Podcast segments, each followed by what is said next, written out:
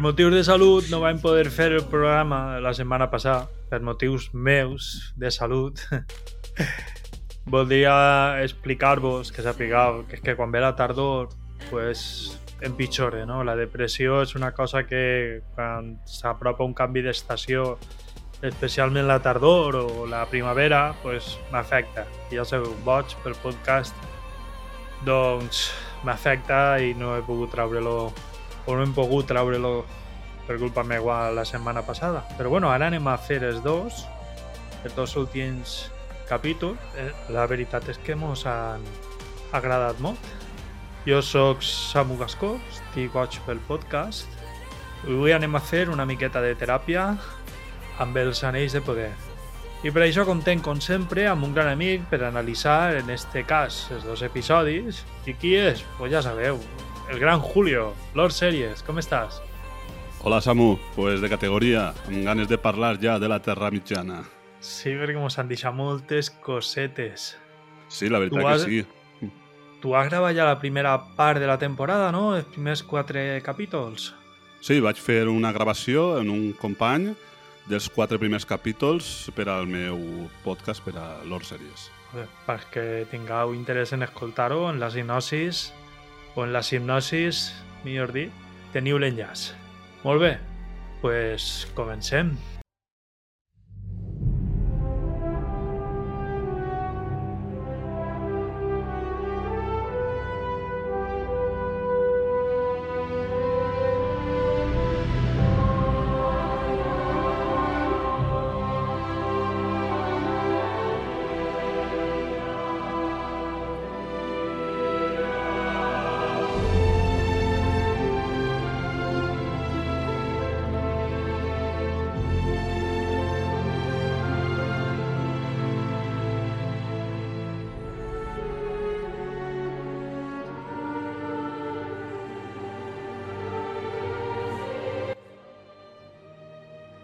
Són dos episodis, anem a dir els títols. El número 4 és The Great Wave, és a dir, la gran onada, no? El maremoto!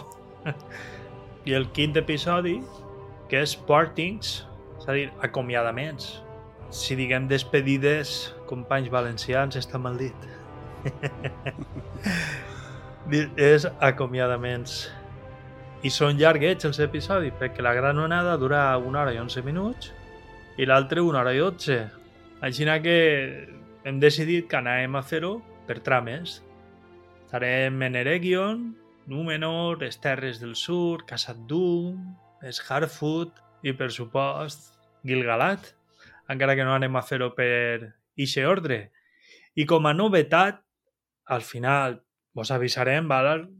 de que són spoilers, doncs anem a fer teories amb el que sabem de lo que va escriure el professor sobre estos esdeveniments i també anem a dir coses que estan anant-se molt de lo que va escriure Tolkien. Però bueno, això serà al final, perquè no volem xafar-vos a ningú l'experiència de la sèrie si no voleu saber els spoilers.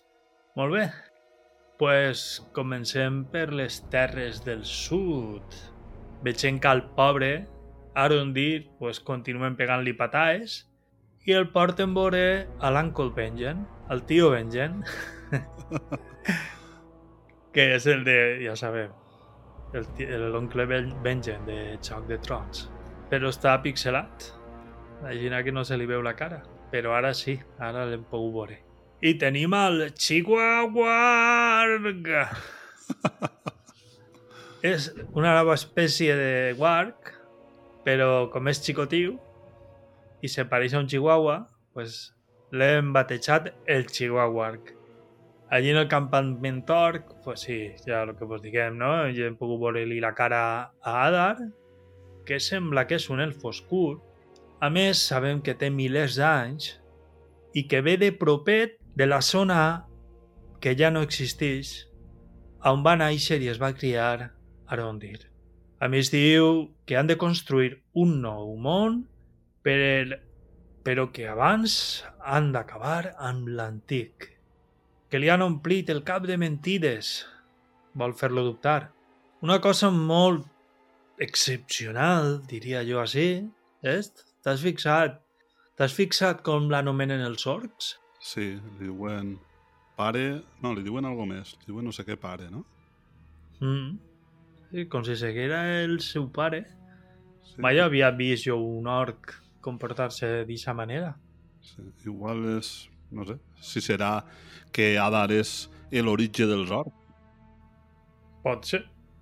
Encara que està acceptat, no? Sabem que els orcs venen d'elfs que es van corrompre, s'ha de dir que ells es poden reproduir de manera normal, val? això és canon, com els humans. I que hi ha, encara que no les hem vist mai, orques. No les balenes assassines, però n'hi ha orques. I, evidentment, si fem el número, doncs no n'hi ha tants elfs per corrompre. sinó que ja dels primers, pues, a partir d'ahí tiraren. Perquè fer aquests exèrcits és una cosa que estem parlant de centenars de milers de- d'orcs. Inclús, per primera vegada, vegem a un orc que està patint emocionalment. I també com Adar, per misericòrdia i per compassió, el mata per a que no patisca més. Ara, ara on dirà ara agarra de terra una cosa afilada per si s'ha de defendre. Però Adar, molt tranquil, parla amb ell. Inclús diu una cosa curiosa. Diu, no sóc cap déu. Encara. Què voldrà dir això? tu t'has fet alguna idea? Mm, igual el que volen és marejar-nos. En... Perquè lo de no déu i tal és com que te fa pensar un poquet que puga ser Sauron. Entonces, no sé si és tema dels guionistes per marejar-nos o, o significarà una altra cosa. Ja. No sé. És que la reacció que ara veurem, que té en l'últim capítol, pues a mi me diu ja que no és Sauron. No crec que siga. El que passa que volen, per mi, que juguen un poquet en això de és o no és, no? Volen que mos ho pensem i que no mos ho pensem. Sí. Ah, i li diu a Arondir ara, no el mata, li perdona la vida, eh, això que havia matat els seus companys, elfs.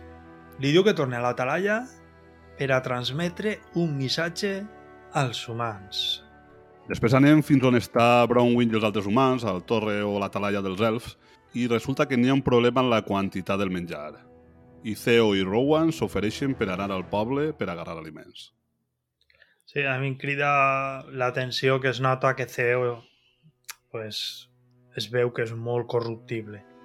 Diu que està fart, que no vol menjar conills i que vol més. Quiero más. Ah.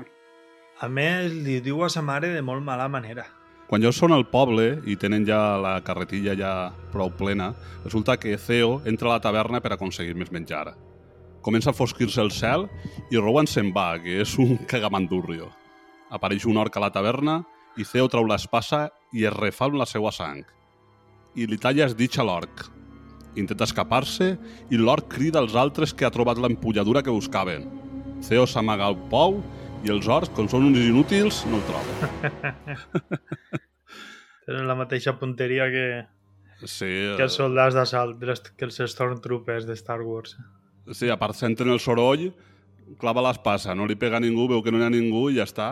Mm, bueno, per això, uns inútils. De sobte sembla que es fa de nit, no? I doncs quan es fa de nit, el Theo s'escapa amb l'ajuda de l'Arondir, que arriba en aquest moment. I veu que l'Arondir ha arribat al poble per a poder un poquet a veure rescatar a veure si estava la seva xati i, i això, i ajuda a Theo i el que es donem compte també que l'Adar és molt bona persona, ja que li ha tornat totes les armes, el que és l'arc, l'espasa i tot. Van fugint i es troben a la Bronwyn també de camí, així que fugissin tots i arriben fins a un lloc on n'hi ha sol i els orcs ja no poden perseguir-los. I, I dic jo, però on han deixat els orcs els arquers? Sabeu que eren orcs de d'assalt sense arc. No, sí, dis, dis, disparen fletxes, jo recorde que li disparen fletxes, però Sí, igual sí, estaven clar. en els arbres, estarien en els arbres. Sí, no, a més, a més en la persecució veiem, no, com ara on dir una de les fletxes que li tiren la garra, se pega la volta i la torna con Sí, sí, Legolas com si fora un aficionat. Sí, sí, menú crack. Jo sols he vist una persona, bueno, un personatge que el supera, i és el rei escorpión, que li disparen una fletxa, se la treu de l'esquena i la torna. Oh. A la talalla, Arondir li diu a Brownir que porta un missatge. Si renuncien a les terres i li juren fidelitat a Adar, els perdonarà la vida. I una de les coses que veiem així és que és, jo he comptat tres vegades, és la tercera vegada que estan quasi a punt de pegar-se un beset. Bueno, després vegem al taverner, el tal Waldrek, que li ensenya la marca del braç que té Theo igual al seu, que és d'on d'on es ferit la segona vegada amb l'espasa esta que creix, i sap que, el, Mm -hmm. i sap que la va furtar. Li diu, sé que l'has gastada, aquesta empunyadura, sé que la tens tu. I li diu que no és una espasa normal, que és un poder forjat per Sauron, que es va perdre, però tornarà. Li diu, li diu lo de l'estel, si l'ha vist en el cel. És com que el- l'estel per a este home significa la tornada de Sauron i que hi ha que estar preparats per a la seva tornada. Sí, clar, això no vol dir que sigui aixina, clar, sinó que ell seu pensa que pot ser Sauron. Ja avisen a Adar de que han trobat l'espasa, que està en la torre, aixina que en el pròxim episodi pues, aniran a per ella. He vist el trailer, també. aixina que és el que podem esperar.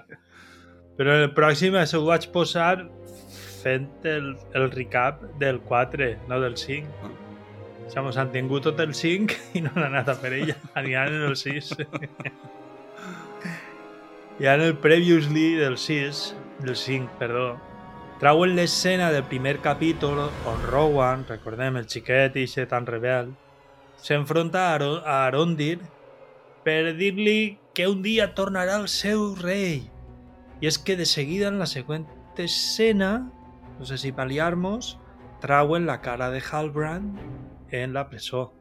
Així que la teoria de Sauron pareix que està caigant-se així, però bueno, ja veurem. Ara Adar està prenent el sol, perquè ell no és un orc, ell pot prendre el sol. I a més està gaudint-lo. També mos diu una miqueta més sobre els plans que té, i això d'acabar en tot per a fer-lo tot nou, incluïx la destrucció del sol. És a dir, igual que destruïren les dos primeres làmpares, després els dos arbres, que eren el que donava la llum, i ara que han creat per a la Terra el Sol i la Lluna, pues ara volen tornar a triomfar i destruir i destruir-ho i deixar a la gent sense llum. Seguim notant el carinyo que li té als sorts, el seu fill, entre cometes, perquè diu que tant de bo pogueren sentir la caloreta que li està donant a ell el sol, però clar, l'orc està cremant-se, no? I, però molt bon pare no és. Jo no deixaria que la meva filla es cremara el braç d'aquesta manera i jo no mirar-la ni a la cara i mm, tot a gustet en el sol. Ni jo tampoc, evidentment. Recordem que la Terra era plana, que tenia dues làmpares grans que van ser destruïdes. Per així i tot, van fer art d'arredona i es van ficar els dos arbres a Valinor. Però quan estos també van ser destruïts, pues finalment el que tenim ara és el Sol i la Lluna. No sé si ho sabeu, però Tolkien volia fer una història mítica que seguirà la història de la humanitat, especialment d'Anglaterra. Per això va escriure el llibre d'esta manera, és a dir, com si seguira una història mítica inventada per ell. De totes maneres, si sabeu anglès, us he deixat en la hipnosi un enllaç que explica, per supos de manera més llarga i més profunda, el tema este de com la Terra era plana, les làmpares, els arbres... I ara, pues això, tenim el Sol i la Lluna. Bronwyn els explica als humans que n'hi ha allí la proposta d'Adar i ells sí, pues, al principi són valents i decideixen lluitar. Havíem dit que tenien que anar a l'espai amb, amb Waldrek perquè este ve i els espanta. Aneu a morir, vos va matar a tots. I convença més de la meitat per anar amb ell encara que no aconseguís que vaig a Cio. Hi ha teories que diuen que no podia furtar-li l'espasa, en este cas eh, Walrec a Cio, perquè esta, a dir, la mateixa espasa, ha fet un nou pacte de sang amb el xiquet. Però no tinc ni, ni perquè abans el tenia, que passa que pot canviar de portador I dirà, pues ara en tu, ara diferent. Així que se'n va, mentre veiem que es convoca l'exèrcit orc. Una vegada arriben on està l'exèrcit orc, que és de nit, i Walrek s'agenolla i li diu Sauron a Adar. Però este s'agarra un cabreig que jo crec que ha deixat a tota la gent que estava veient la sèrie sorpresa. Perquè és un cabreig de por. L'agafa del coll, l'alça dos metres i ara fa risa perquè diu no eres Sauron? Waldre lo que vol és adorar a uno que siga ruïn, dona igual qui siga, diu. Et serviré, sigues qui sigues. Però ara, i això no fa tanta risa, li diu que només la sang pot setgellar i se pacte, i que ha de matar al nano, a Rowan. Li dona un ganivet i es queda en Rowan xillant, encara que no mos ho ensenyen. I així els guionistes es les tornen a jugar, ja que Adar no diu que no siga Sauron, per si encara algú vol, vol pensar-ho. Ja no ho diu, però la reacció t'ho diu. És com si seguera un enemic de Sauron, com si odiara a Sauron. Sí, sí, t'ho diu. És a dir, al final sembla que no és, però no t'ho acaben de dir, no diu el personatge. Ja, ja. No, no, jo no ho soc. Espera que encara es queda una miqueta d'incertidumbre. Ja. No, una de les teories, que sí que podem dir ara perquè no és spoiler de res, jo que podria ser que Sauron el corrompera a este elf i per això odiar perquè treballaven tots per a Melkor. O sigui, Melkor era el que manava i ell tenia els subtenients. I un d'estos era, evidentment, Sauron, pot ser el més poderós, però tenia més.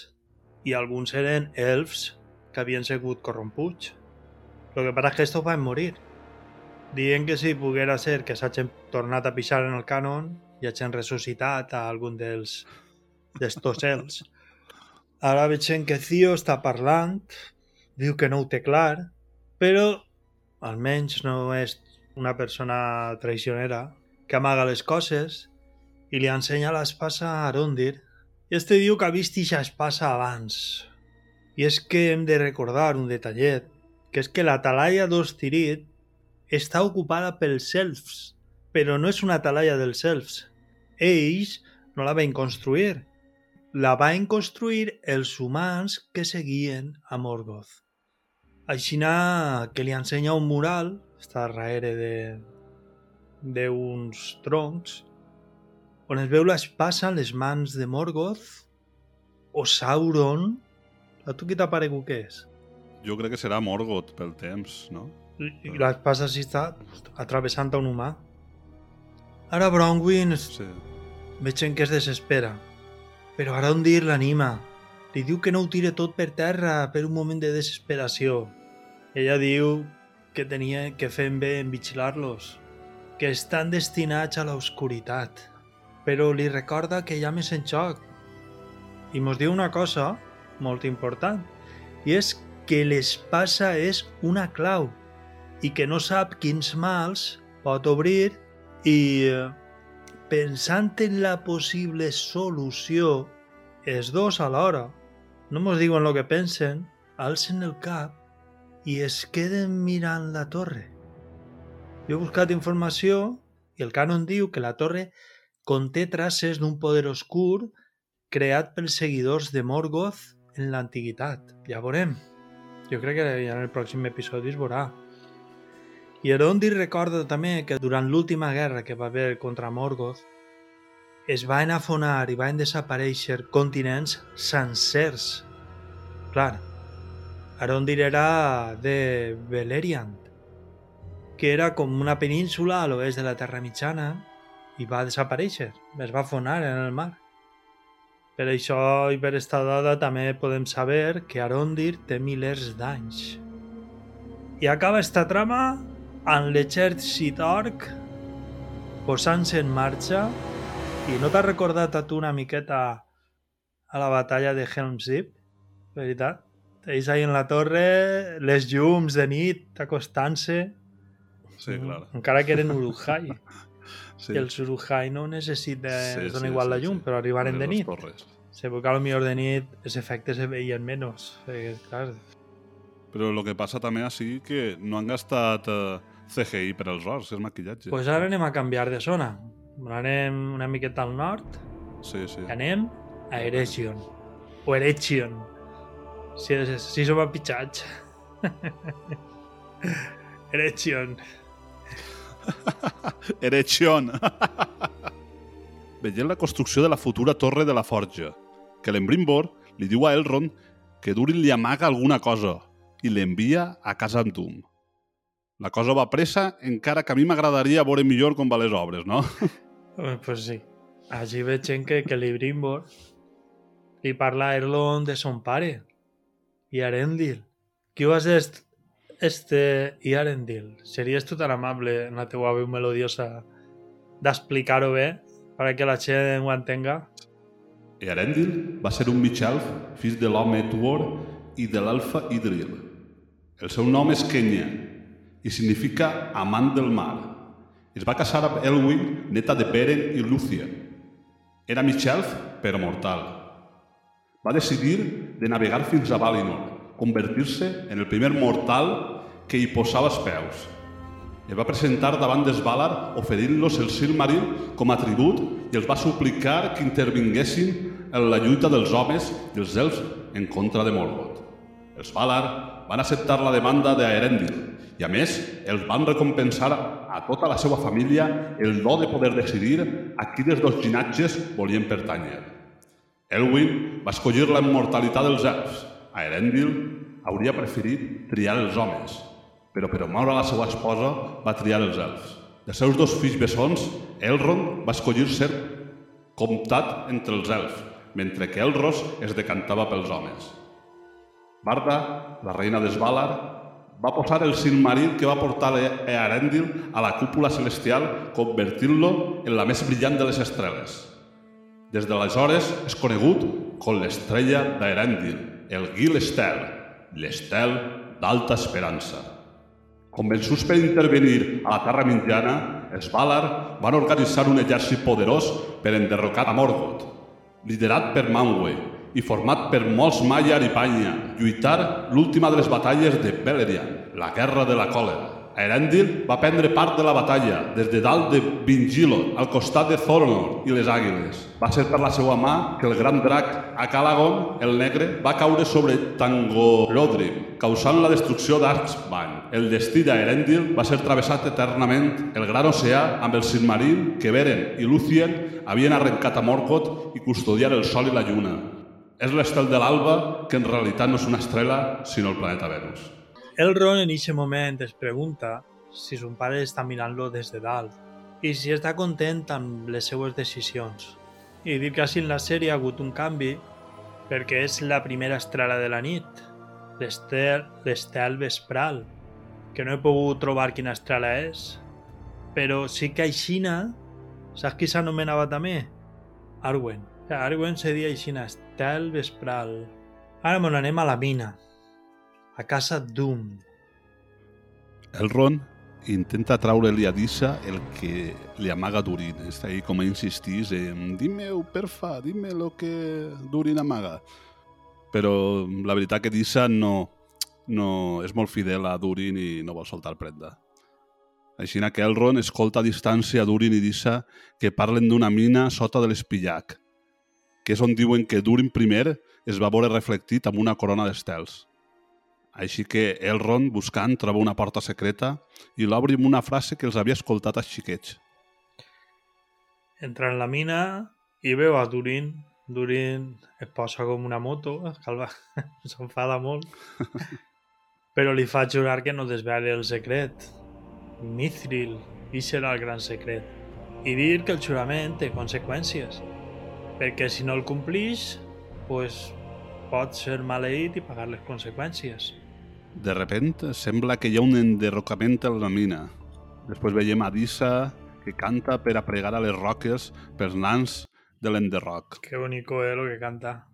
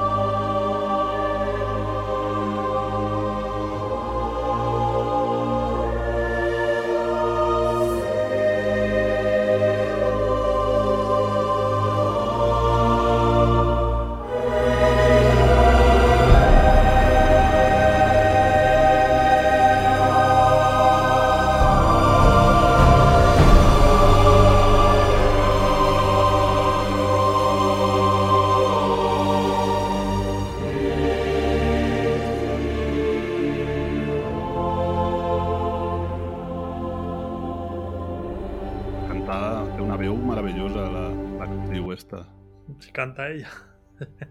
Sí, canta ella, clar.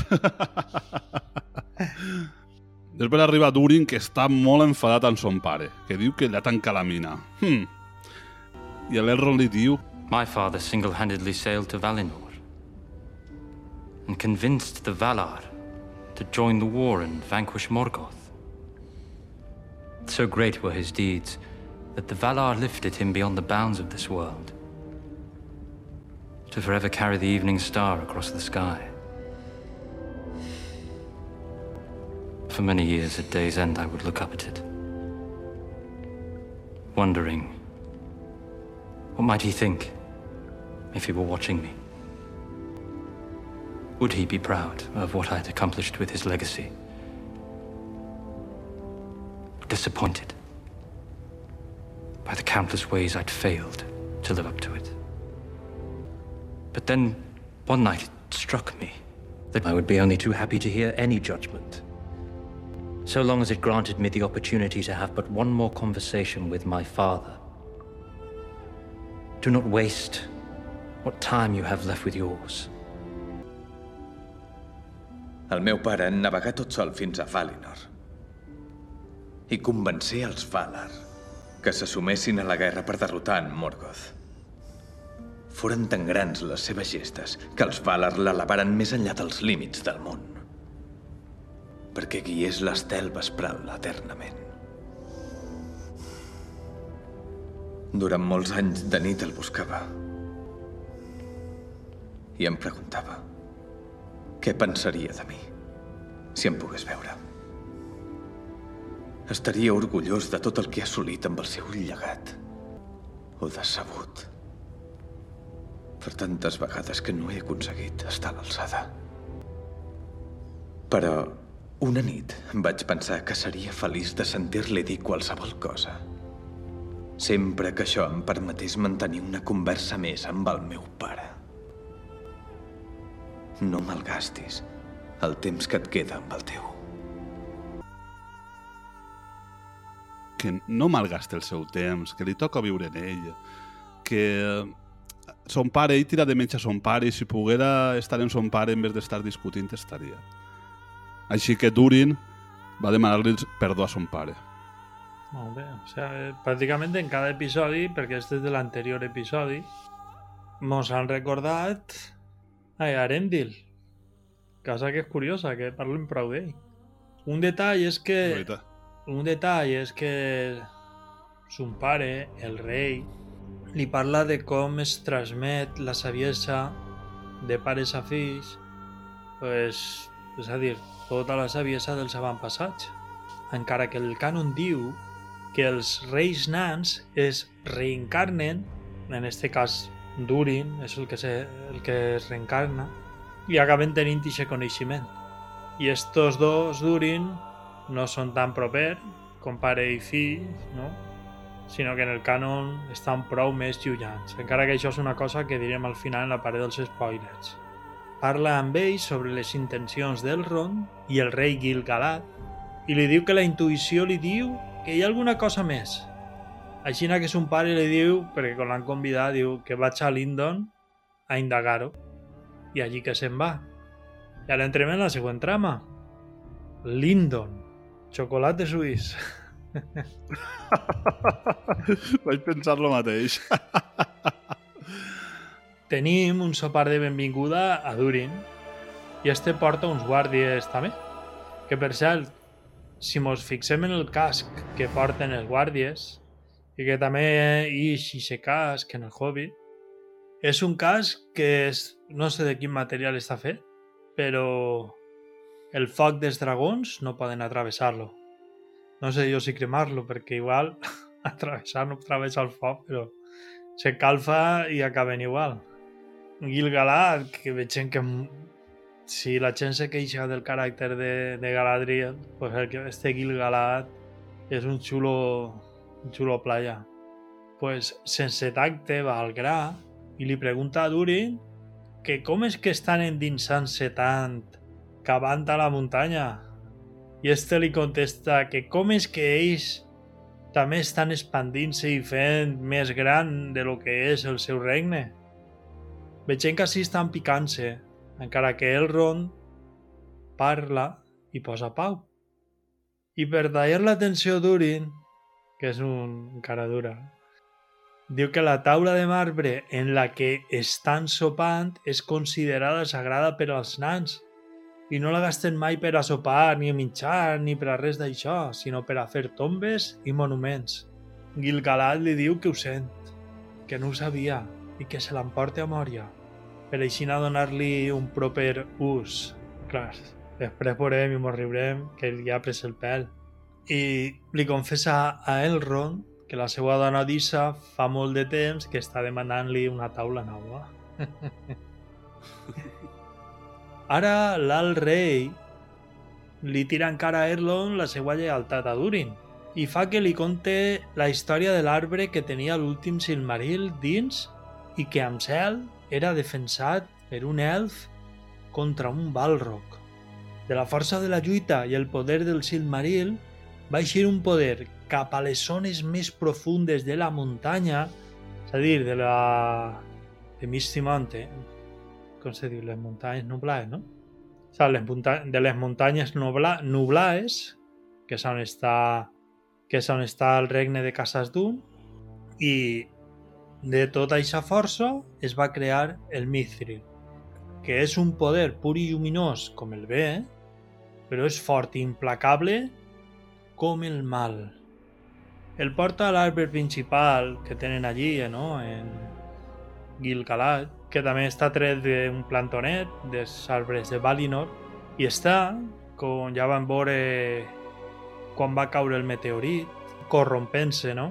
Li està entrant una sàvia negra, i això el que t'està dient és que la Terra està roïn, la Terra està mal. Per lo que diu, això ve abans del meteorit.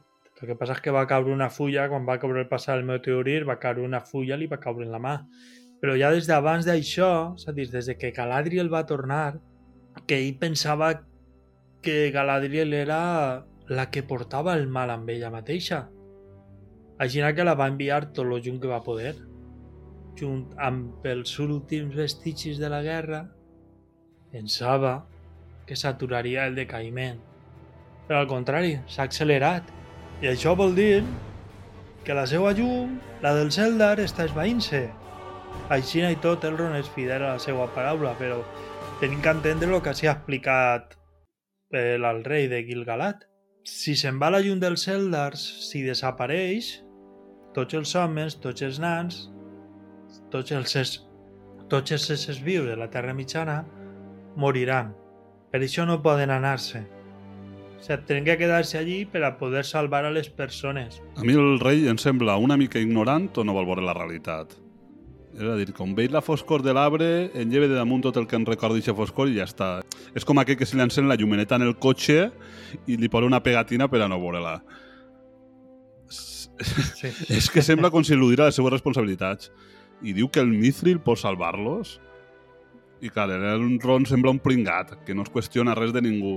El rei li diu, no, que el Mithril mos salvarà, i, i s'ho creu. No? Vull dir, és que no, no es posa ni a pensar, ah, pues pot ser de veres, pot ser mentira. No. Sí, el Mithril seria l'arma més poderosa.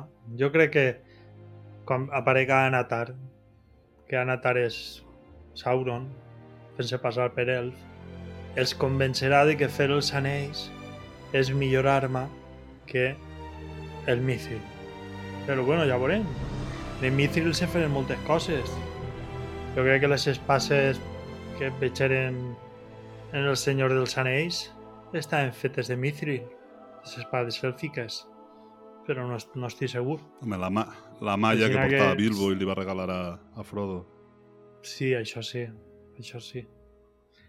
Que valia més que tota la comarca. Sí, sí, sí. Perquè és que diuen que el procés per a transformar el mineral, el que és en el metall, era algo molt costós.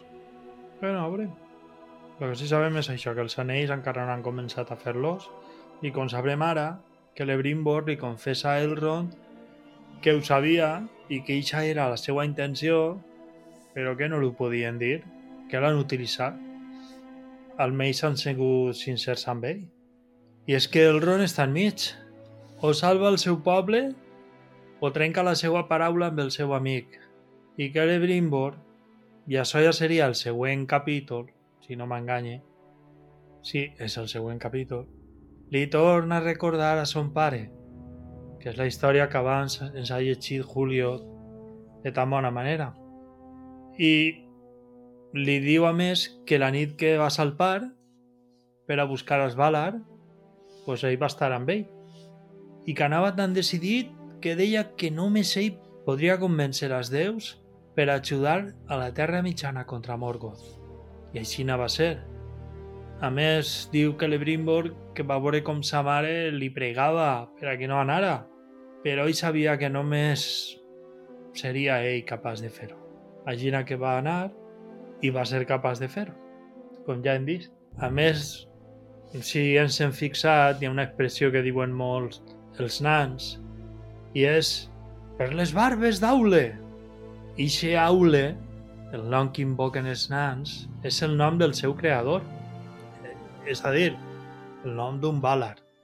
En els seus cors pensen que encara crema la flama del seu foc antic.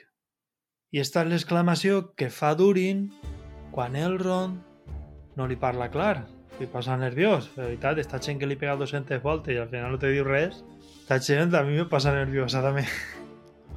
I Elrond el que li diu és que li, més que dir-li li confessa que sense saber-ho pues l'ha enganyat també.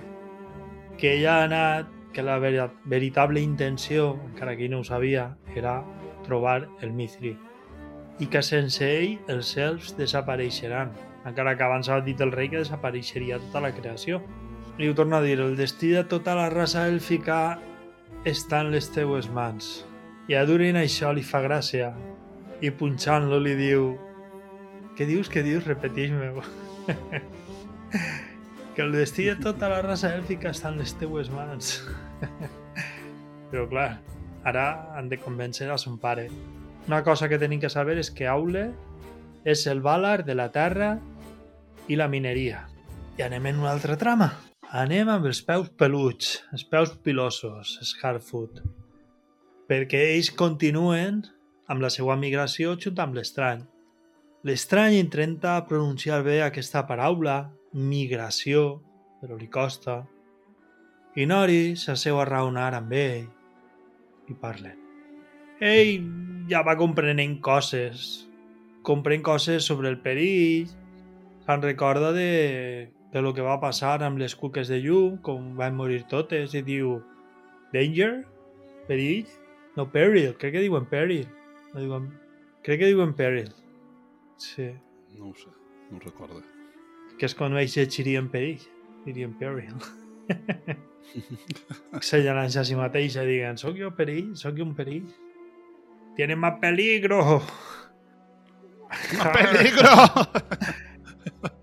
Tiene más peligro que uno que ha caído de la luna. Mm, torpedo pecador. Però Nari li diu que no, que això va ser un accident, que ell és bo. A més, ell se ho repeteix. I am good. Jo sóc bo.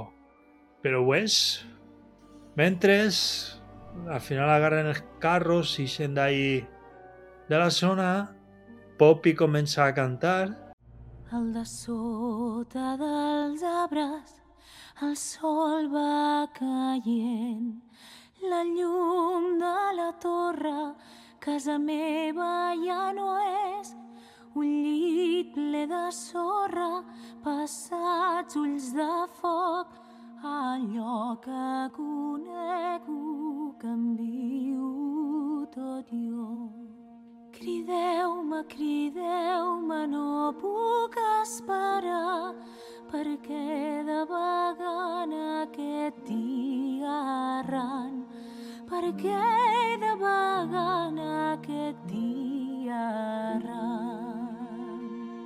De menjar i de beure ben bé ja no en tinc, les forces em fallen, però em demana el camí les cames són curtes i el camí és molt llarg, però a mi em reconforta quan sento cantar.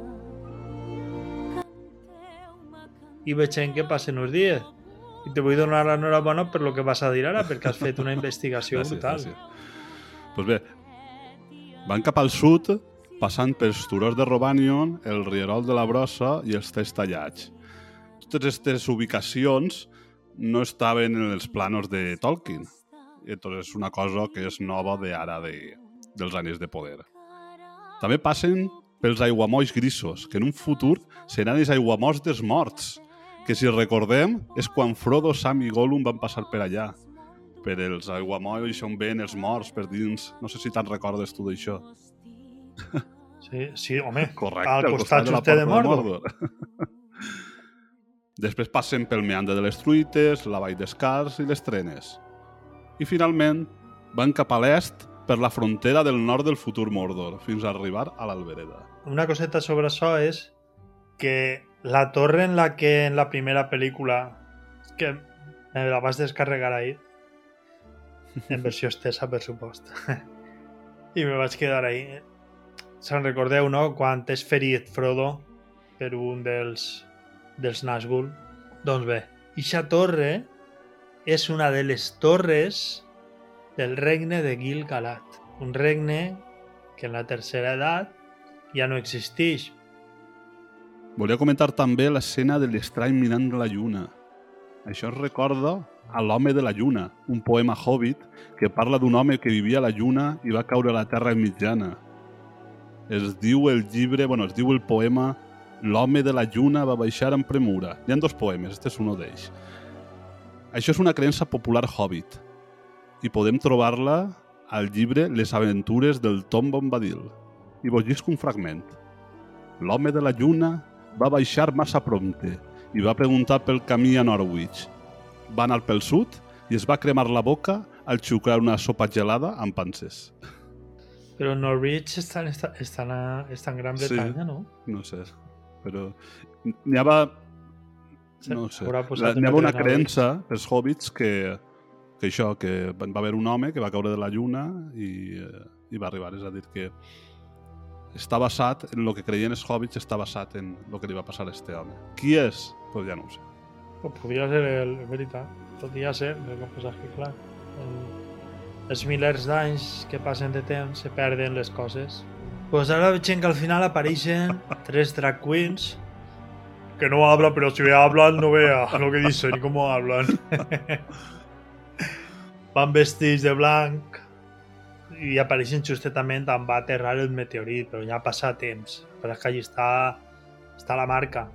Porten un sceptre on si mires bé l'empunyadura pots pensar que és el cas de Sauron o jo que ja que contestava dient vaig veure ahir la meitat, bueno, la meitat o la tercera part de la pel·lícula de la Mhm. de Fellowship of the Ring me va donar que se pareix a la vara seria eixa paraula adequada al bastó al bastó que té que té Saruman i me va sorprendre, no va ser captura de pantalla però en aquest moment me, me va aparèixer molt paregut. Però en fi, a mi el que em va fer pensar perquè n'hi ha uno d'ixos bueno, o una, és que no saben el que són de veritat, és que si és que això és un, és un, és un senyor eh, i que va en el rubio i si és rubio que s'agatxa Sí. que pareix que sigui el jefe i si és aixina perquè vas buscar i té un nom molt raro que no sé si és home o dona però té una bona davantera aixina que és que no Jo sé si és home o dona I que abans era home. no sé sí, Me pareix, eh? igual m'enganye. sí. Són, la, mo Sí, sí. la modernor són, aquests personatges són la, nome, la nòmada o el nòmad, perquè és que el, resulta que en anglès es diu igual nòmada que nòmad. Vull dir, és igual en masculí que no en femení. no té gènere Entonces, en, si foren tres xiques, serien la nòmada. O si, fo si, foren si foren tres dracs Això és una, els dracs són d'una altra sèrie. són la nòmada, l'ascètica i la moradora, que sembla que estan buscant a l'estrany, però, no? I els noms, estos apareixen en els crèdits. Al final, els crèdits que no es veu ningú, si en vez de votar al tràiler següent a l'abans, lleveu l'abans, podreu veure els tres personatges en les tres actrius que són, són estos tres. I la veritat és que... Com? Tenia que ser ràpid. Sí, Tenia que ser sí. ràpid perquè no te dona temps ni a respirar i, I la veritat que no aparenten massa bondat, és de veure el que tu dius. Sí. I això que van de blanc. Normalment se posa el blanc per a dir soc Com el bo de la pel·lícula. Gandalf el blanc. Sí, però primer era el gris. Malva s'adona que alguna cosa està passant estranya amb la natura i que els arbres, per l'època de l'any en la que estan, estan massa pelats. Per altra banda, pues, Nori i Poppy veuen petjades de llops ah, i ara estos, els llops, les adaguen, estes corren, però de sobte apareix l'estrany que agafa un lloc en braços i el tira lluny i acaba utilitzant el seu poder i els espanta encara que vegem que li han deixat el braç mal ferit, com si li hagueren clavat un perí. Ara parlant en una altra llengua, això és el que posen els subtítols, another language. Mm, és a dir, vull dir, això per a dir que no sabem quina llengua està parlant, perquè això ens donaria pistes de qui pot ser. Pues vegem que està congelant l'auia d'una pica per a curar-se el braç. I ara Nori el toca, també se li passa la xelora a ella i quasi perd la mà. Passa que al final hi ha una explosió de- d'esxillits que ella va pegant i, i no la perd. És com si l'estrany, a poc a poc, estiguera prenent domini del seu cos i dels seus poders. Però una cosa que ens ha deixat clara la, la, la sèrie en este capítol, perquè en el primer capítol no va iniciar i en este últim, en este segon, el quint, han aparegut molt poquet. Així pues mos deixen clar que li ha agarrat por. I sobre el títol del capítol, no? Acomiadaments. Estan els que s'acomiaden literalment i després està Nori, que vol acomiadar-se d'aquesta vida nòmada que porta. Ella vol ser lliure, vol viatjar i no tindre que estar establida per les normes que tenen els, els Harfoot. Bueno, pues anem ja a l'última trama. Anem a Númenor. En Númenor, que també volen acomiadar-se. De primer, es veu una visió o un somni de la reina regent beneint nadons, quan veu que entren des de fora un muntó de pètals de l'arbre blanc. I veiem, d'una manera espectacular, la destrucció de Númenor. Després al carrer, un ferrer, d'aixòs que es va barallar el Halbrand, que està predicant en contra de Galadriel i els elfs. Però Farazon parla per a tranquil·litzar a la gent i fer campanya contra els elfs. Sí, exacte. Fa un, un tram, no? Fa un America First. America First. Eh, fa un discurs completament populista de nosaltres primers i els altres que es fastidien. I damunt es convida a mamar, perquè fa un míting i al final treuen vi. I al final parlarem de- d'este d'este farasón, perquè és una peça. Polític, polític. Mm, Sí, però més que això. Es presenten a Kemen, el fill de Farazon, que li mola Earien, la germana d'Isildur. Cal dir que també, igual que Arien, pues, són personatges els dos inventats. Poquet, per a mi un poquet innecessaris els dos, de moment. Bueno, després veiem a Galadriel que li demana a la- reina regent que l'ajude a les Terres del Sud i li diu que Halbrand és l'hereu d'allà. Com la reina no li fa cas després de dues vegades, Galadriel es cabreja i li diu d'una manera poc sutil, com és propi d'ella, que parlarà en el seu papa. El El papa! papa! I la tanquen a presó. Per sedició. I això que no utilitza la violència. Isildur està fent la prova no? per a ser oficial de marina, però una altra vegada la veu de dona, això sí que ho sabem, que el crida des de la muntanya i li diu Isildur! Pues fa que es despiste i ara no només ell, sinó que els expulsen de la marina tant a ell com als seus dos amics, que van a ser importants, i són eh, Balandir i Ontamo. N'hi ha que dir Ontamo, val? Perquè és com ho pronuncien, no sé en el doblatge com ho hauran pronunciat, però els, és Balandir i Ontamo. pues això, estos van a tindre un recorregut més gran amb ell en el futur. I el Siltur està encabotat en anar a Occident, igual que el germà va fer, però clar, això és apropar-se a Valinor. Volem recordar que abans de que deixaren de tindre relació amb els elfs, ells arribaven amb regals i saviesa, és a dir, que era una cosa molt beneficiosa per a ells. Ara vegem que Earien està també prenent notes de l'arquitectura. És ella qui serà l'arquitecte de Minas Tirith, la capital de Gondor? Pues pot ser, i per això està en la sèrie. Ara tenim una esceneta amb Isildur i la seva germana i veig que tenen molta complicitat. Això m'agrada molt, jo no sé tu, però jo moltes vegades... Perquè jo tinc només un germà i més o menys som igual. Però jo sí que m'he preguntat si haver tingut una germana que haver sigut de la meva vida. Com haver canviat la meva vida en una germana? Continuant el capítol, Galadriel li conta a Halbrand perquè l'han posat a la presó, això, el que hem dit abans, sedició. I este li diu que ha de ser més amable si vol dominar-los. És curiós que Halbrand utilitzi aquesta expressió, ja sabeu la teoria de Sauron, perquè pareix que sap com moure's per les corts, que té més tacte, però aquesta expressió dominar-los me sona més a un anell per a dominar-los a tots. En fi, al final obrim la cel·la per dir-li a Galadriel anem a clavar-te en un vaixell i t'enviem a la Terra Mitjana. Però ara esta li entra la neura i en les seues habilitats ninja eh, o superwoman pues es pega una palissa, clava soldats dins de la cel·la i s'escapa deixant a, a Faras Bombo capadat, perquè no s'imaginava que, que ella fora tan bona guerrera. On s'escapa? Pues a veure el rei. És el que ella volia fer des del principi, perquè ella el que creu és que el tenen amagat perquè vol ser amic dels cels. I quan arriba, pues allí també està la seva filla, la regna Regent, i Galadriel li pregunta que per què ja no estan seguint les tradicions èlfiques. Després la reina Regel li mostra a Galadriel un palàntir o pedra evident, com la de Saruman, que diu que hi havia set i diu que la resta es va perdre. Com sempre, Galadriel trau el seu superego i diu que ella ja havia vist abans, estes, per favor. N'havia vist que... I més, I gran, més grans, i més grans i més poderoses.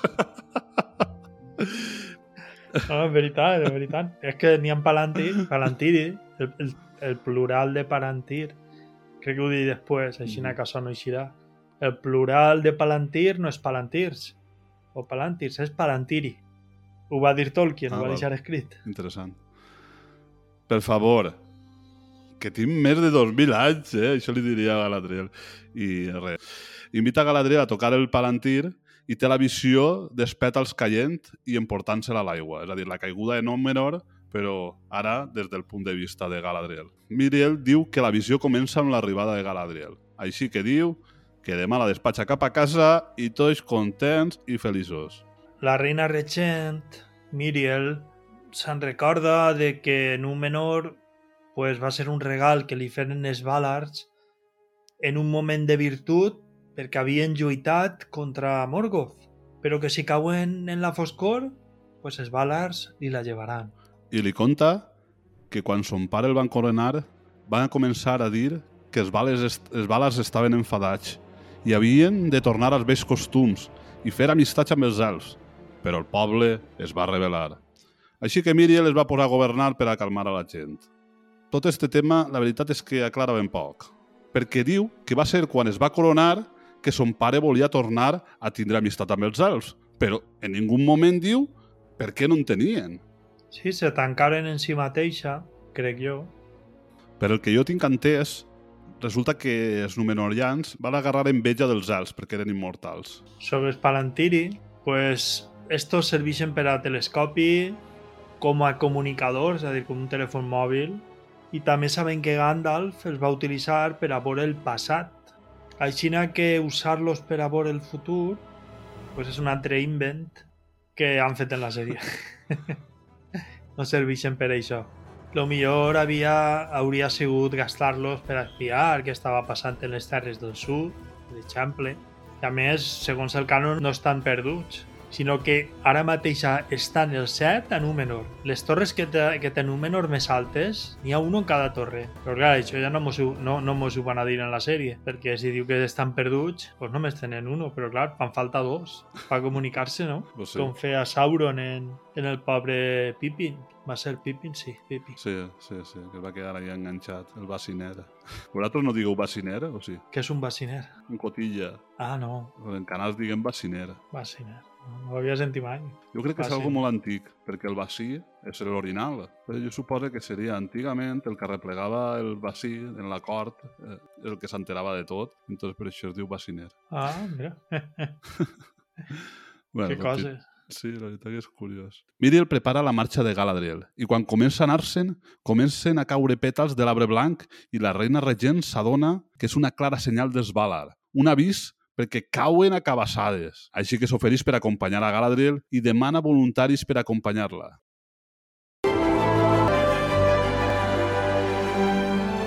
Faithful believes that when the petals of the white tree fall, 'tis no idle thing. The very tears of the Valar themselves, a living reminder that their eyes and their judgment are ever upon us. There is a fateful hour in the destinies of men, an hour of judgment, in which each of us, every one, must decide who we shall be. Are our hearts become as the statues that surround our isle? Or do they yet beat with the blood of the heroes that carved them? Is our valor confined to the graves of our slumbering fathers? Or is it here? Amongst us even now?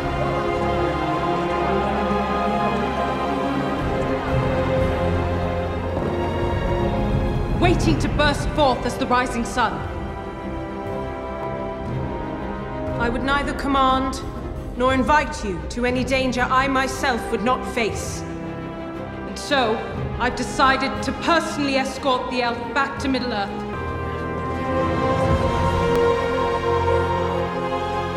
aid our mortal brethren, who are now besieged in the Southlands.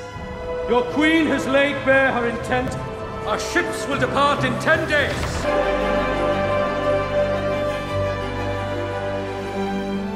Els fidels creuen que quan cauen els pètals de l'arbre blanc vol dir alguna cosa. Però les llàgrimes mateixes dels Valar ens recorden que sempre estem sota la seva mirada i el seu judici. Hi ha una hora crucial en el destí dels homes. Una hora de determinació en què tots nosaltres, sense excepció, hem de decidir qui acabarem sent. Els nostres cors són com les estàtues que envolten aquesta illa? O encara bateguen amb la sang dels herois que les van esculpir? El nostre valor està enterrat a les tombes on reposen els nostres pares? O és aquí? Entre nosaltres ara.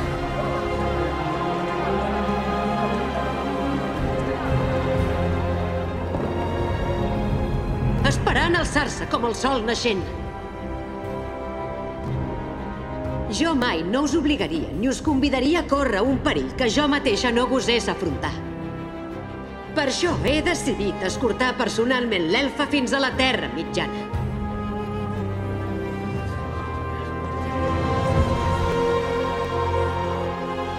Per ajudar així els nostres germans, que pateixen setge a les terres del sud.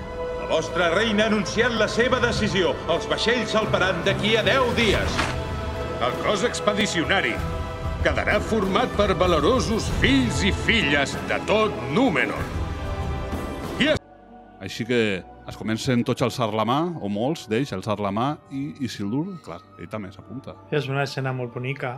Veure com molts numeronians, numenoreans, no és numenorians, és N, numenorians. Pues volen ajudar als cels en la lluita contra Morgoth. Com li va dir, no estava soles, ni molt menys de Galadriel. En este cas no és Morgoth, és Sauron, així que tenim 10 dies. I els amics d'Isildur doncs, també es comprometen per anar. És, una, és un... Jo sóc Espartaco, I'm Spartacus, I'm Spartacus, al final de la pel·lícula de, de Kirk Douglas, que va ser un final històric i molt emocionant. No té tanta èpica este final, però bueno, sí. Ja en este segon episodi pues, li pegarem una miqueta voltes a lo mateix. Anem a veure què passa durant estos 10 dies. Primer han rebutjat a Isildur per anar a la Terra Mitjana. I hi ha molts més voluntaris que places perquè només van 4 vaixells. Els que no són lleials volen convèncer a, a Farason per a que ho ature. I n'hi ha dos que no són lleials, els elfs, val? es diuen aixina, Faithful, i són tant Arien com el novio, perquè ja són novios. D'un capítol a l'altre, sense dir-nos res, ja novios. Pues ella li insistís que parlen son pare. Ara tenen una reunió i Galadriel, que anem a tornar repetir, està feta pa que mos caiga mal. Val? És, Galadriel és de categoria, però l'han fet pa que mos caiga mal i després passarà algo que la tornarà més sàvia, més tal, i serà la Galadriel que coneguem, que coneguem de les pel·lícules. Ella ha parlat per Halbrand, però és que Halbrand el que vol ser és ferrer, i, i de la corona no vol saber res. Aixina que Galadriel passa l'episodi intentant convencer-lo i al final, sorpresa, ho farà. També veiem a Galadriel com una superguerrera i amb dos espases es dona una, lliçó a tots els soldats que aniran a la Terra Mitjana, perquè no poden anar amb ella ni anar tots contra ella. Així i tot, Balandil, un dels amics de, d'Isildur, per haver aconseguit tallar-li la mànega, que és l'únic que s'ha apropat una miqueta, pues és ascendit a tinent. Al final, Kemen aconsegueix parlar amb son pare i este revela les seues intencions. Si saben la Terra Mitjana, que no saben lo perdut que va amb tan poc homes, els elfs i els homes estaran en deute amb ells i els pagaran tributs. Ara veiem una altra escena on el rei li demana a la filla que no vaja, que allí només trobarà oscuritat. Eh, I ara ve- veiem com fan les paus Balandil i Isildur, que per perdonar-li per perdonar-li el que li ha fet, que per culpa d'Isildur es tiraren a tots de, de la marina, pues guarrir-len a punyades. I estan negociant una punyada, no, no, tres, dos, però no me pots pegar, eh? I encara no ho acaba de dir, ja li ha pegat les dues punyades el Balandil. Així que han fet les paus. Clar, Isildur, que és, com diuen en, en el poble del meu fill, un interessau, ho fa per l'interès, eh, creu que com ara el seu amic és tinent, pues, pot parlar per ell i col·locar-lo, però este li diu que no, que el coneix i que ell no se comprometen les coses, així que no va donar la cara per ell. Però Isildur continua, s'amaga ara per anar com a polissó. Però en aquest moment el cunyat està pegant-li foc al vaixell, que al final acaba explotant i pels pèls se salven els dos. Així que ara només tenim tres vaixells, però jo em pregunte si no tenen més a Númenor, a mi em pareixen molt poques vaixells. Tres? Si tenies quatre i ara tens tres? I més pensant tenen- que van aportar cavalls i la guàrdia tot. del mar i, i tot, no? No No, ho sé, sé. és, és com que n'hi ha molt de mar per tots els jocs i sols tenen tres vaixells, és un poquet estrany. I ara, milagre! Galadriel li demana perdó a Halbrand per haver-lo utilitzat. Uau! Ha sigut capaç de rebaixar ese ego perquè li interessa, clar, perquè li interessa. Este li confessa que va fer coses imperdonables per a sobreviure i que quan s'assabenten el rebutjaran. Ella recorda la frase del germà, que per a saber on està la llum, de vegades s'ha de tocar la foscor. Li pregunta que per què lluita, per venjar el germà? Però ella diu que no té pau i que no pot parar. El seu millor amic va conspirar per enviar-la a Valinor, perquè no sabia si es podia distingir la foscor que lluitava de la que Galadriel portava dins. Finalment, li diu a Halbrand que l'única manera de trobar la pau és anant a la seva terra i lluitant.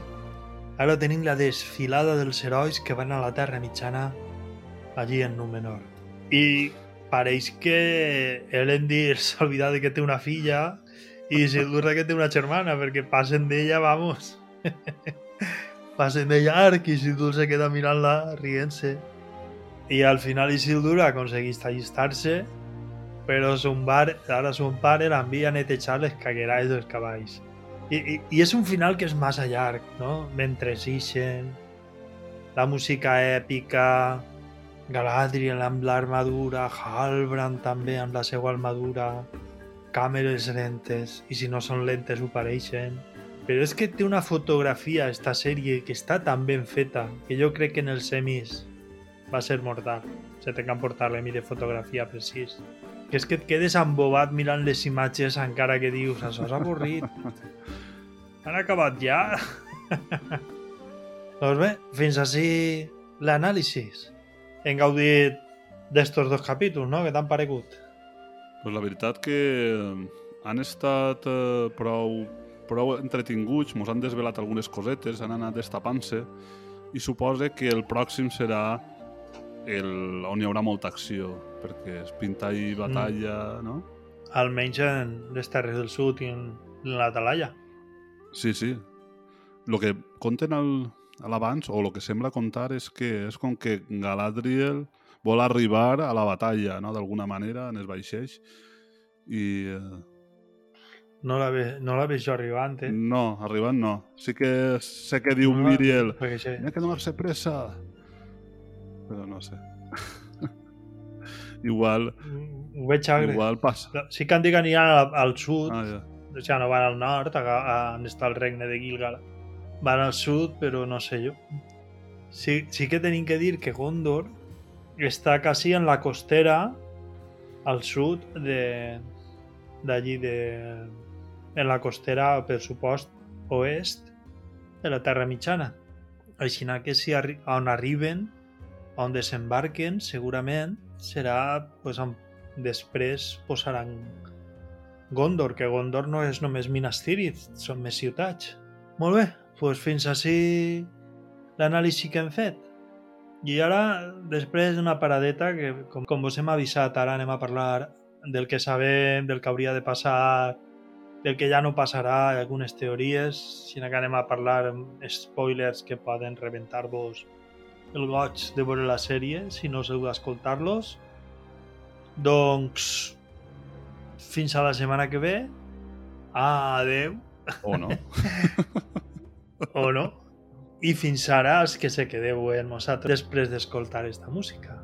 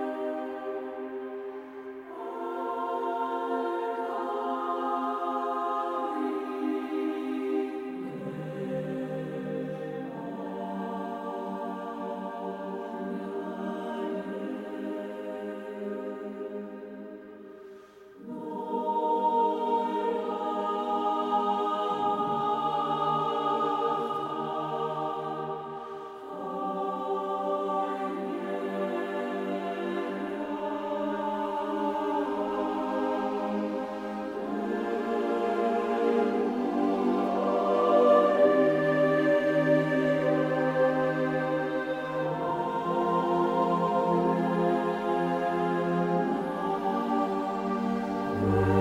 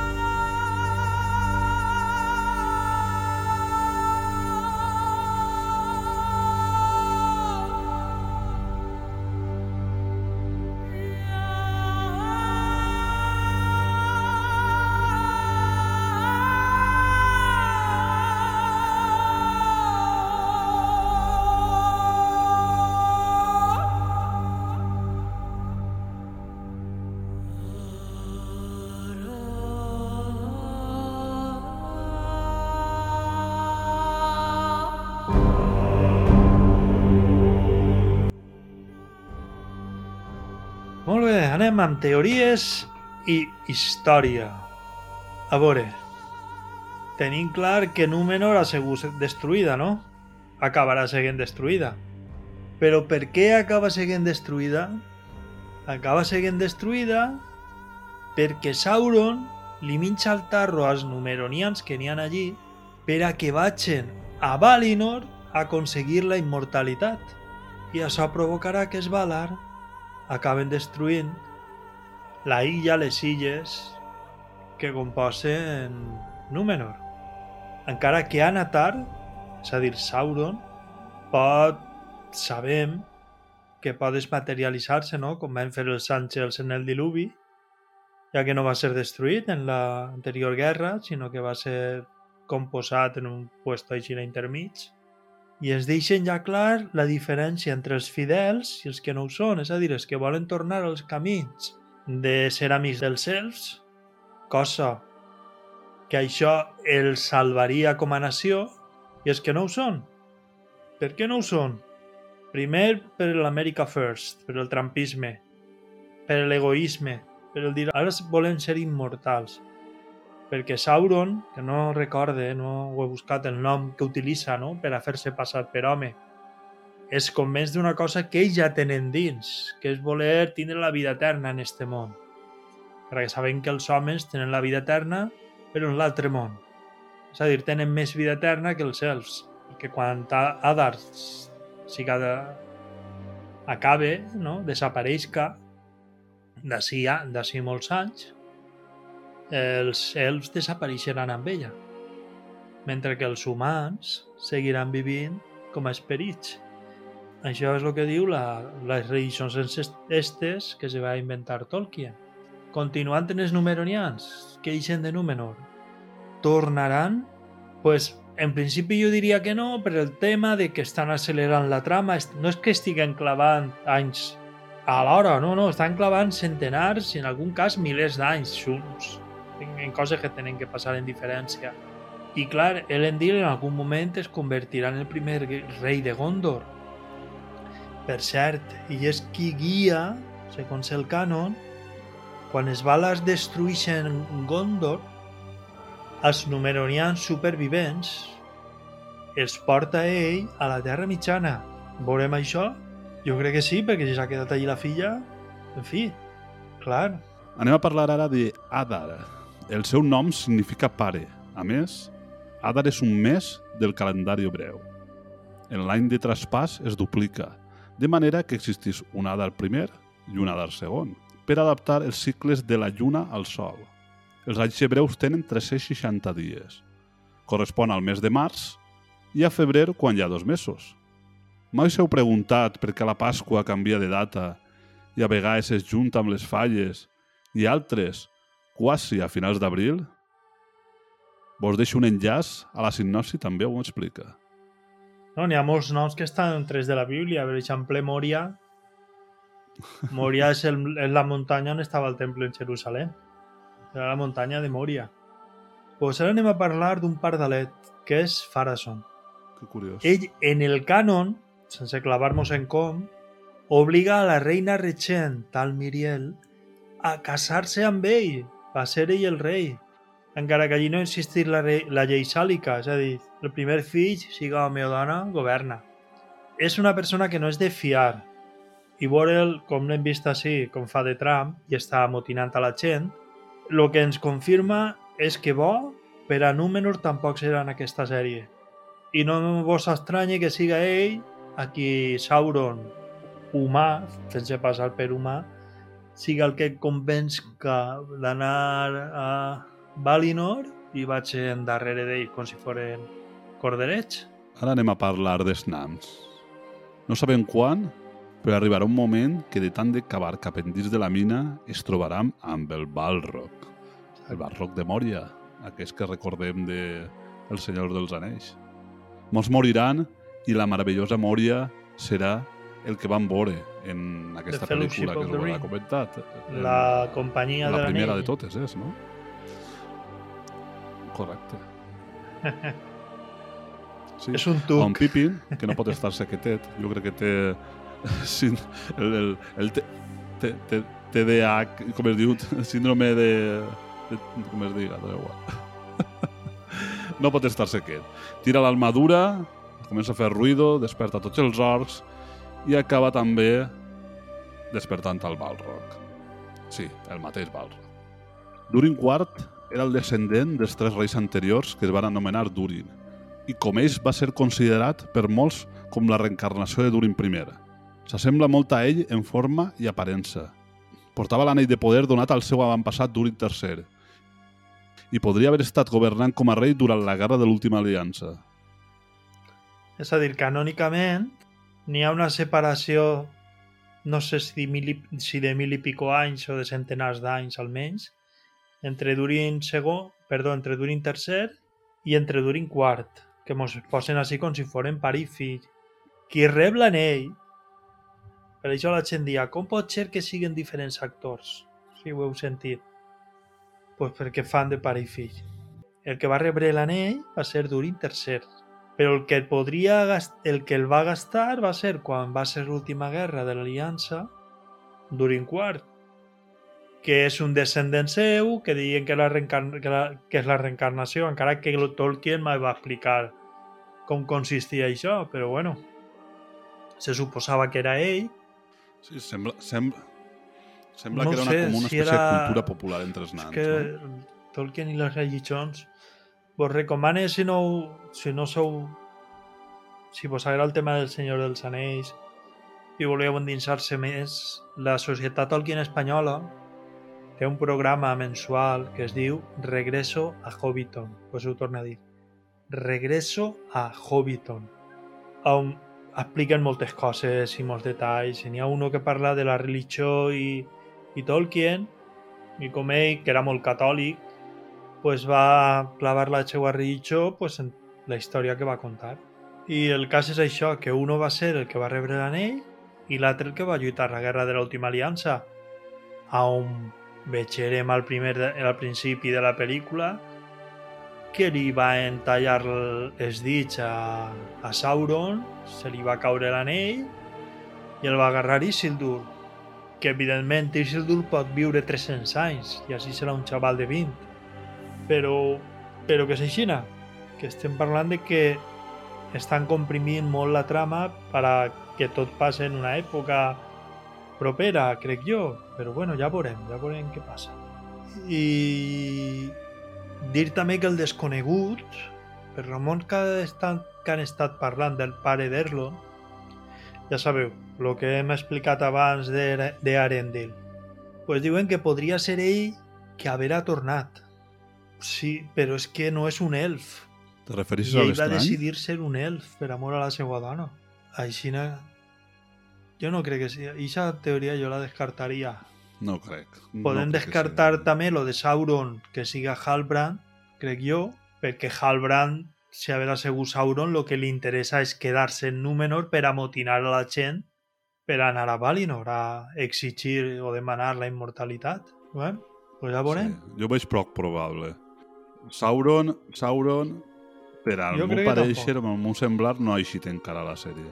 però que crec que va eixir, si no este episodi el que veia, com a Sauron, perquè clar, quan dic com a Anatar, molts no sabran qui és Anatar. I la sèrie no va posar un cartellet, o igual si ho fan, no?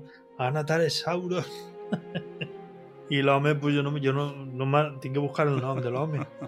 Però, clar, també tenim que saber què és l'home. Però són cinc temporades el que, van a fer, no? Sí. Van a fer-ho en cinc temporades, així que dona temps per a molt. Sí, van a fer-ho llarguet. Van a fer llarguet. No. Igual mos quedem esperant a Sauron. Ah, i sobre, la que no temporada. apuntat, sobre personatges que van aparèixer en la pròxima temporada, si no m'han enganyat les fonts que he llegit, pues està confirmat que apareixerà Celeborn, que Celeborn és el l'espòs de Galadriel. I ara se m'ha oblidat el nom. Apareixerà també la filla de Galadriel, que és la que es casa amb Elrond. És a dir, com van dir en l'últim programa, si no recorde malament, que Arwen és la neta de Galadriel. Everything is connected. Que jo crec que Elrond no s'ha pensat bé la sogra que va tindre. Mare meua. Però Ahí bueno, és- Galadriel canvia. pues bé, pues ja la, la setmana que ve estarem en l'episodi 6 i això vol dir que només mos quedaran 3. Ai, jo no vull que s'acabe mai. Vull dir-vos que si no esteu subscrits que per favor ho feu. Si vos ha agradat, pues per favor que comenteu. Segur que hem clavat la gamba en alguna cosa. I així ens podeu dir el que vos ha paregut, perquè és una cosa que seguim amb molt d'interès. I recordeu que en educació podeu dir el que vulgueu. També posar estreles, posar corets. Ja sabeu, pareix una boba, però això però això ajuda que el podcast tinga més, més visibilitat a l'hora de promocionar la nostra llengua, que és el valencià, el català, l'aran. I compartiu, compartiu. Compartiu, exacte, compartiu. Que no costa res. Podeu compartir-ho, és copiar, pegar i ja està. Pues moltes gràcies, Julio. Moltes gràcies a tu, Samu. Ha sigut un plaer tornar a estar així amb tu. El mateix te dic. Jo sóc Samu Gascó. I jo, Julio, de l'Or Sèries. Estic boig pel podcast i avui hem fet una miqueta de teràpia amb els anells de poder. Adeu! Adeu!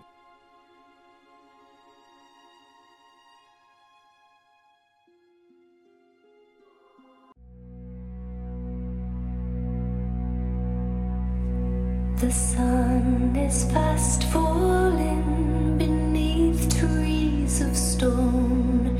The light